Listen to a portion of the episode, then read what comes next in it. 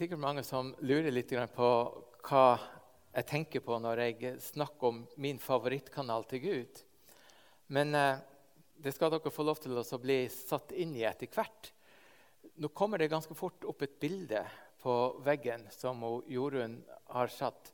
Og eh, du skjønner på mange måter eh, litt grann bildet. Det er liksom en sånn mottaker. Fordi at utgangspunktet er jo dette at Gud sender og Gud taler til oss i veldig mange kanaler. Men hva slags kanal vi er innstilt på for å ta imot, det er litt forskjellig. Det handler litt om mennesketyper, og det handler litt om hvem vi er som personer. Og Jeg tenkte jeg skulle illustrere dette litt videre. Dere ser hva det her er. Det er en vanlig Skal vi se bare vår. Nå begynner det.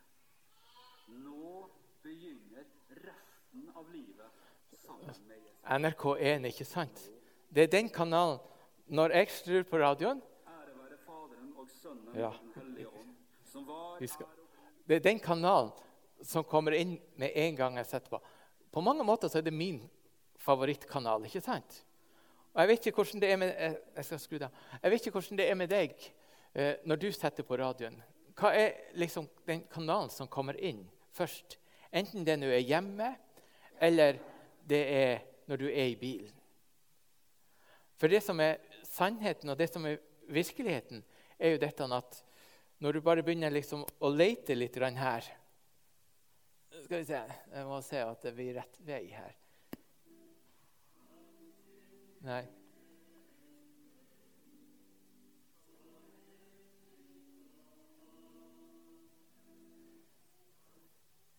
Se her, nå skifter han kanal.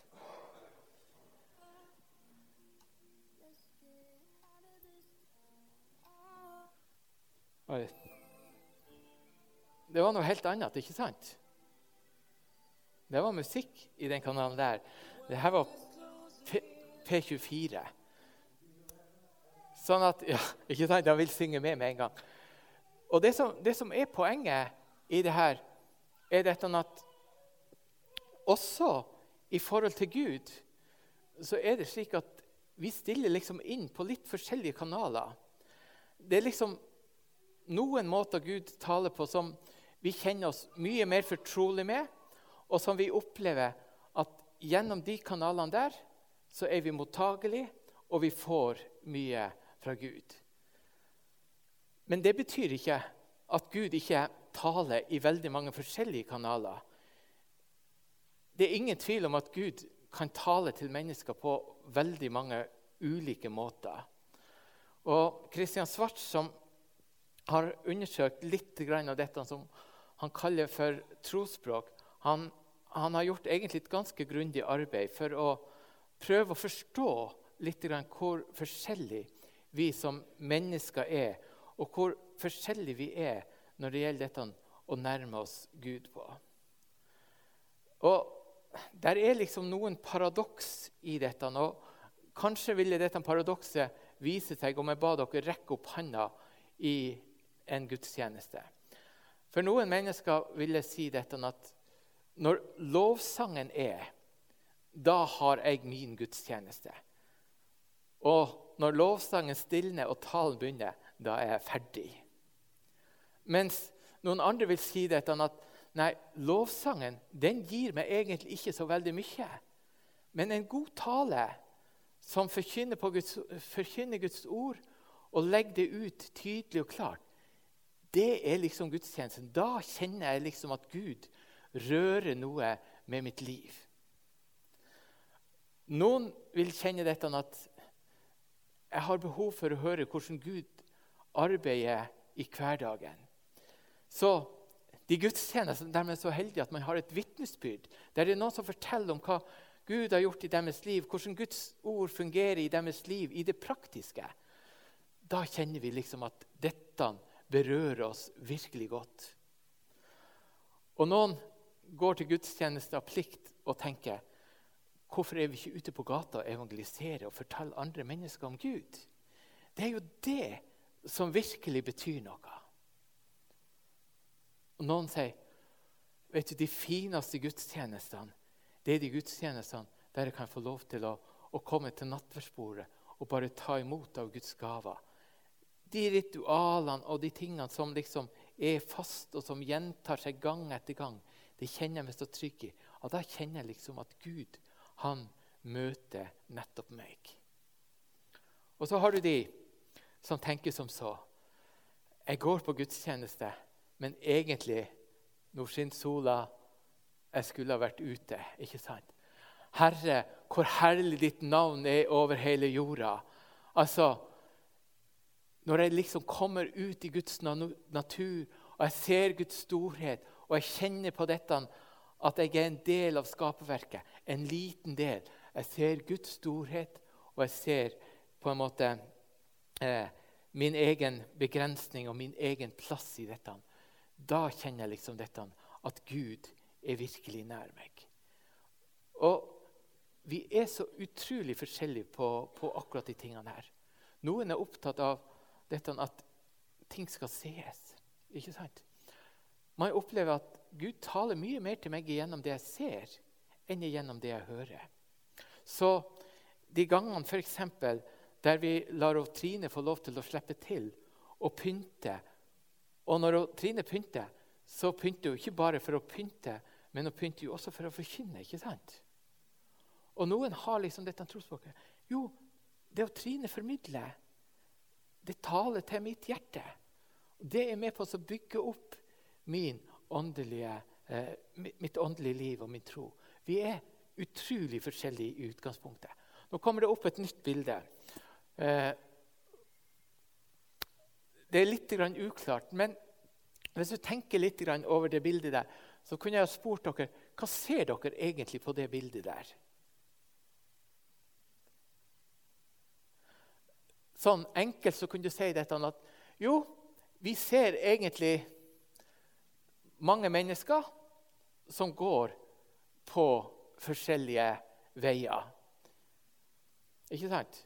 Det er lett å tenke og forstå det bildet på den måten der. Hadde det vært litt klarere, men det finnes et, en alternativ måte til å se det bildet på. og det er dette at Her ser du mange forskjellige folk som går mot det samme målet. Den røde prikken i midten.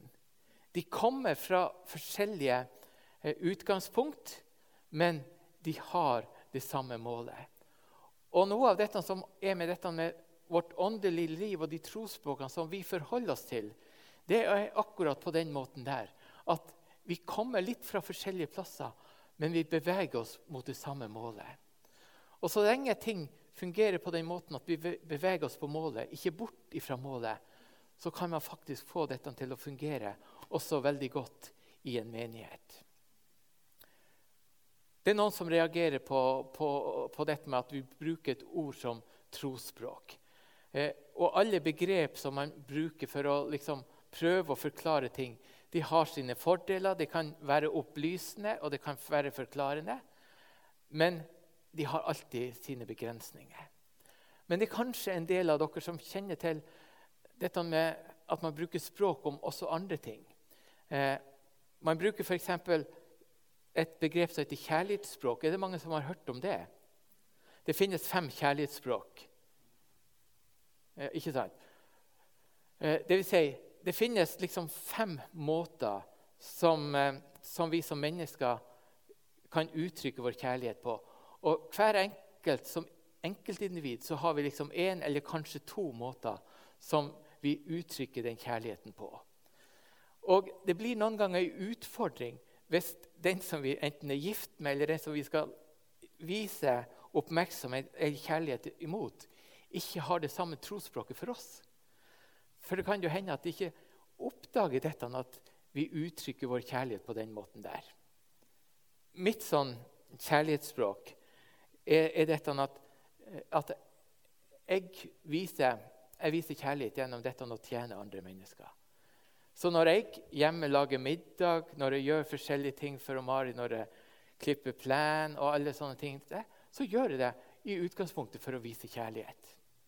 Men hvis nå Mari hadde dette kjærlighetsspråket, ikke sant?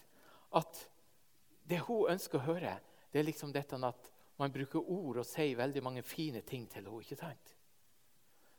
Så vil hun si til meg dette at 'du viser meg jo aldri kjærlighet'. Ikke sant? Hun vil jo si det, for hun skjønner ikke mitt kjærlighetsspråk.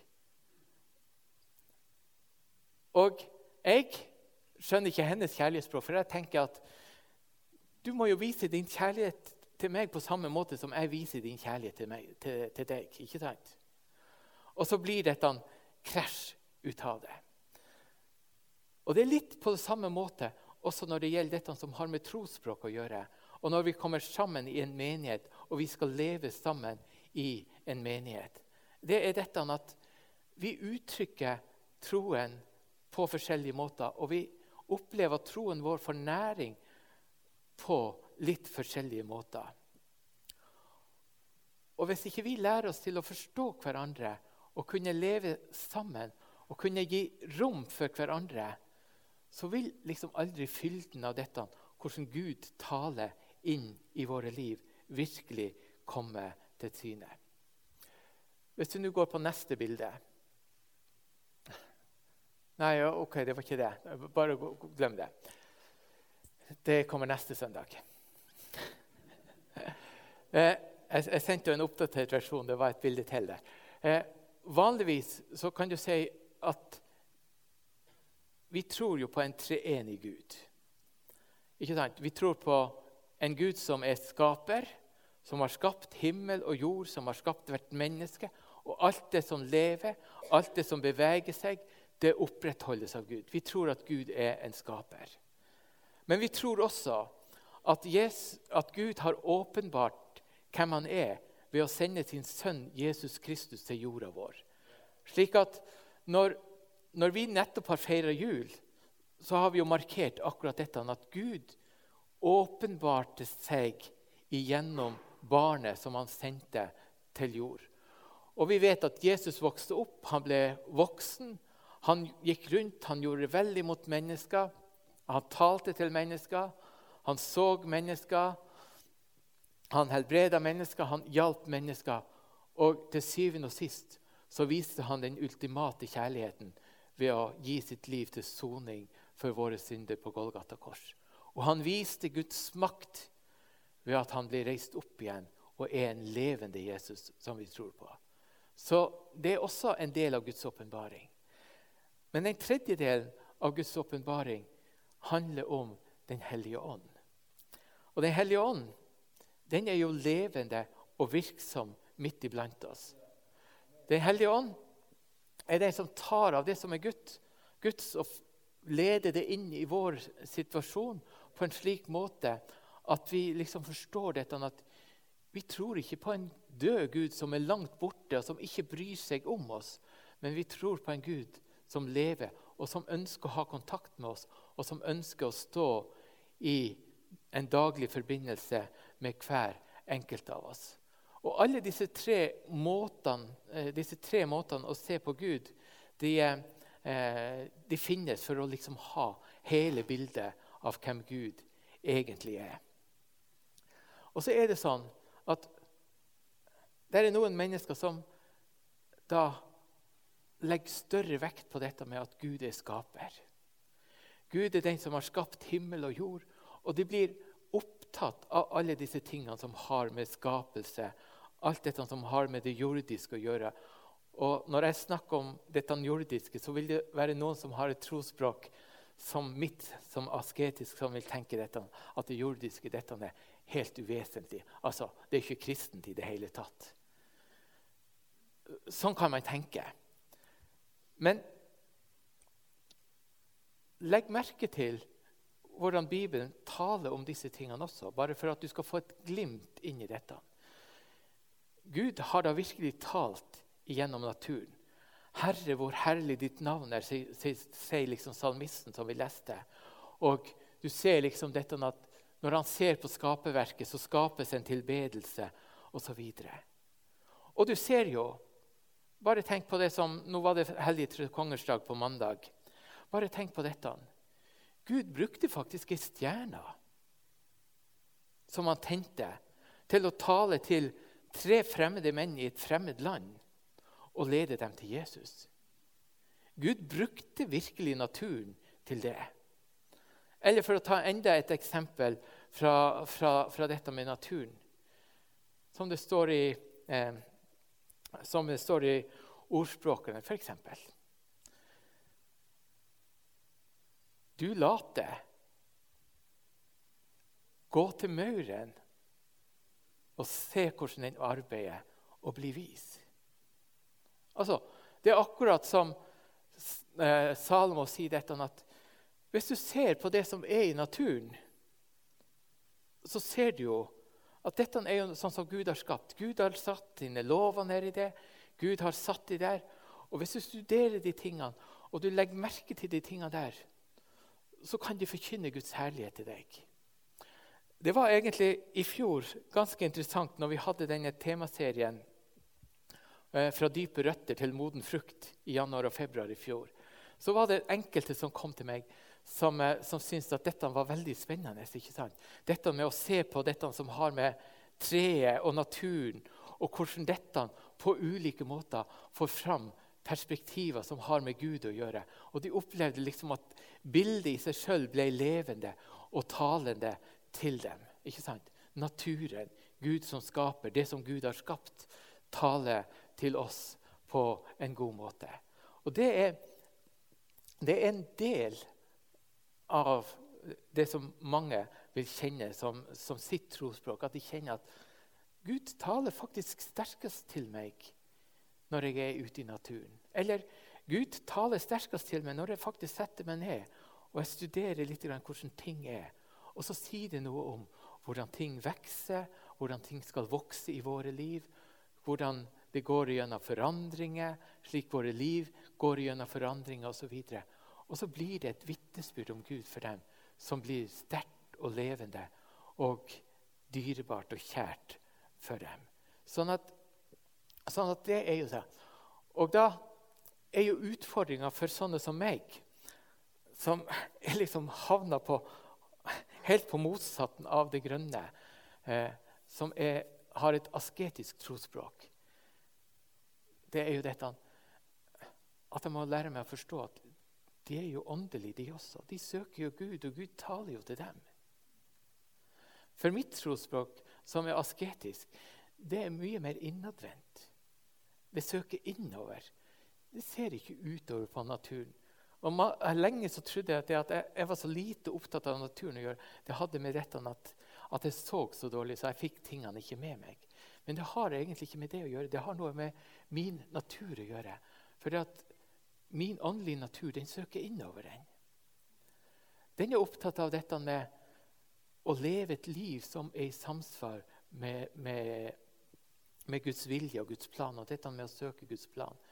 Dette som har med helliggjørelse å gjøre, som, som er en viktig del av Metodistkirka sin på en måte, teologi, det er egentlig veldig naturlig for meg i mitt trosspråk. Så disse indre tingene her, de tingene, de taler til meg. Og jeg har veldig lite forståelse for det. Så på det grønne området ikke sant, så er det sånn at jeg vil ikke gå på en kunstutstilling, ikke sant? for det gir meg ingenting. Og jeg må jo ta meg i vare ikke sant? når jeg ser at folk pynter og prøver å si ting. Hvis ikke jeg lærer meg å prøve å forstå symboler og disse tingene her, så vil jeg bare si dette, at dette er jo bare, dette er jo bare vas. Og da mister jeg jo muligheten til å se noe av Guds storhet i den måten å være på. Sånn at selv om du blir bevisst ditt eget trosspråk og vet litt hvor du står henne, så trenger du å være åpen og søkende inn i de andre, sånn at du både kan forstå og kanskje åpne deg, det seg opp en verden der Gud kan tale til deg på uventa måte som du ikke har tenkt så nøye på før. For Gud taler i alle kanaler, tror jeg. Gud taler på veldig mange forskjellige måter. Som vi leste ved begynnelsen, på mange måter har Gud talt til oss i fordums tid. Ikke sant? Gud har talt på veldig mange forskjellige måter. Og dette, Å forstå dette er så viktig. Jeg kom borti dette som har med trosspråk å gjøre, for 15 år siden kanskje. Da var jeg på et seminar og lærte litt om disse forskjellige trosspråkene. Og jeg tok en liten sånn test som gjorde at jeg liksom ble plassert i denne båsen, et asketisk trosspråk. Så ble det gjort et lite sånn eksperiment i denne sammenhengen der, der de sa dette, at eh, de som har det asketiske trosspråket, de går sammen der, og så snakker de sammen. Og for meg ble jeg værende sammen med to personer som jeg aldri hadde møtt før. Det er jo alltid spennende når du skal snakke om åndelige ting med folk som du aldri har snakka med før. Men fordi vi hadde samme trosspråk, så ble det sånn for oss Oi! Vi er jo på kanal. Altså, Vi forstår jo hverandre virkelig når vi begynner å snakke om det åndelige, fordi at vi har det samme utgangspunktet. De to andre som jeg da snakka med, de var, de var offiserer i Frelsesarmeen. Sånn eh, Sånn at jeg tenkte en liten stund sant, at det er vel kanskje i Frelsesarmeen jeg hører hjemme. at de har liksom et trosspråk som er veldig tilpassa meg. ikke sant? Eh, men akkurat den der opplevelsen av å, forstå mitt eget trosspråk og hvordan Gud taler veldig sterkt til meg på enkelte måter, var egentlig en sånn aha-opplevelse for meg. Men det å være på dette kurset var også eh, en øyenåpner for meg. For jeg begynte å se dette at Der jeg begynte å tenke om f.eks. de som var opptatt av kunst eller naturen, og sånt, var egentlig bare opptatt av det verdslige, av verden, og var veldig lite åndelig. Det var med å lære meg til å forstå at jo, i dette så er det jo også noe åndelig. I dette så kan også Gud tale til dem. Og jeg fikk en mye sterkere bevissthet og en forståelse av dette at Gud er faktisk skaperen og opprettholderen av alt liv. Og skulle ikke Han, som har en slik makt og som har gjort alt dette, og så kunne bruke det til å forkynne til mennesker og sin storhet, at menneskene kunne kjenne dette, at de møtte Gud gjennom det, eh, skulle ikke Han kunne gjøre det? Selvsagt kunne han det. Jeg skal gå litt inn for landing nå. for det, det er snakk om nå, det skal jeg dra litt videre, og jeg skal komme inn på de forskjellige trosspråkene eh, når vi kommer til neste søndag.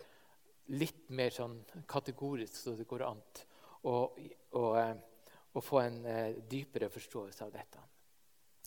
Men det er en siste ting som jeg likevel er nødt til å understreke.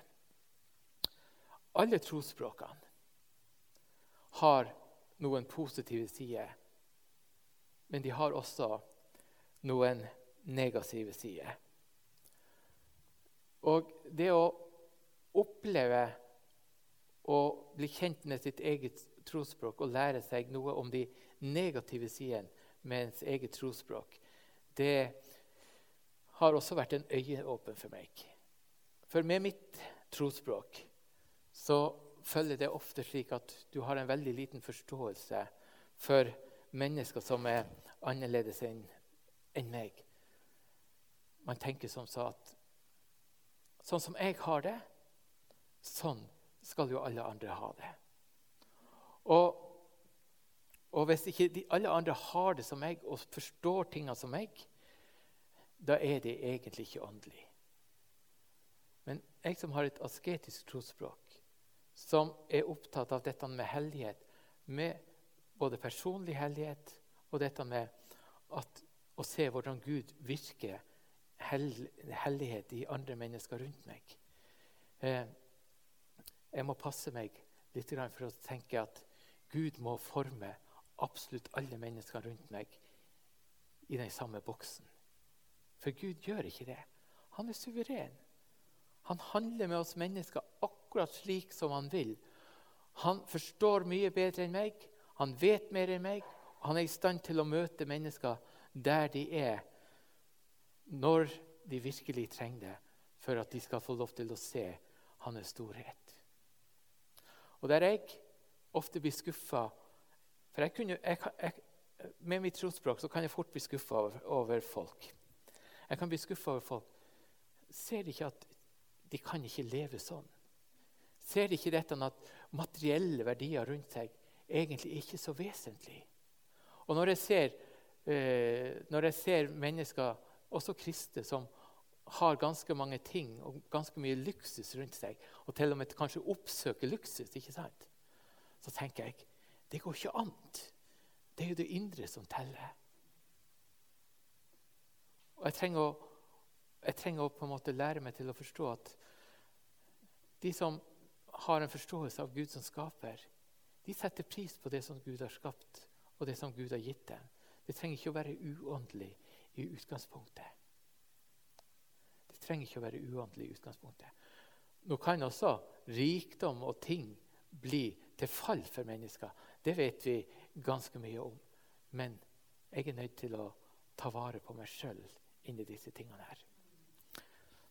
Det finnes ei bok som er oversatt til norsk. Jeg har ikke brukt den veldig mye i, i, akkurat, eh, akkurat, forberedelsen til denne serien. For det, den er en forkorta utgave av en mye større bok heter, på engelsk som heter uh, 'Three Colors of Spirituality'. Men det er kommet ei bok uh, på norsk som heter 'Engasjert trosliv', som vi har noen eksemplarer av, som det går an til å kjøpe. Koster 198 kroner. Uh, det, ble, det, var interessant, for når disse folkene som skrev denne boka, her, prøvde å finne noen som hadde det asketiske trosspråket, så var det ikke så lett. Så jeg fikk til og med lov til å være med og bidra litt. Så det er første gang jeg har fått lov til å være med i ei bok som, eh, som har noe betydning. Det var bare en sånn liten digresjon. Men, eh, men det som er viktig når jeg tar opp dette temaet her, er dette at hvis vi som menighet klarer å gi rom for forskjellige typer åndelighet, og at vi kan være med å berike hverandre, da tror jeg faktisk at vi er i stand til å nå veldig langt ut. Men hvis vi dyrker kun én type åndelighet, så er det veldig mange som ikke vil finne seg til rette. Eh, en menighet trenger å gi rom for forskjellige typer med trosuttrykk for at den skal være en god menighet. Lovsangen og tilbedelsen har en plass der. Vitnesbyrdet har en plass der. Forkynnelsen har en plass der. Sakramentene har en plass der. Dette med faste liturgiske ledd kan ha en plass der. Dette med utsmykning og dette med forkynnelse gjennom det som vi ser, skal ha en plass der. Og dette enkle som bare tiltaler meg. ikke sant? Jeg trenger ikke være i et kirkerom for å kunne være åndelig. ikke sant? Jeg kan egentlig bare sette meg ned og vende blikket innover. Og så kjenner jeg dette at jeg er nær Gud. Men at vi, at vi gir rom for det, det tror jeg er viktig skal vi komme lenger framover. Og det er noe av grunnen til at jeg har ønska å sette dette litt på dagsorden også i vår menighet. Det er nemlig dette at vi skal gi rom for hverandre og forskjellige typer åndelighet.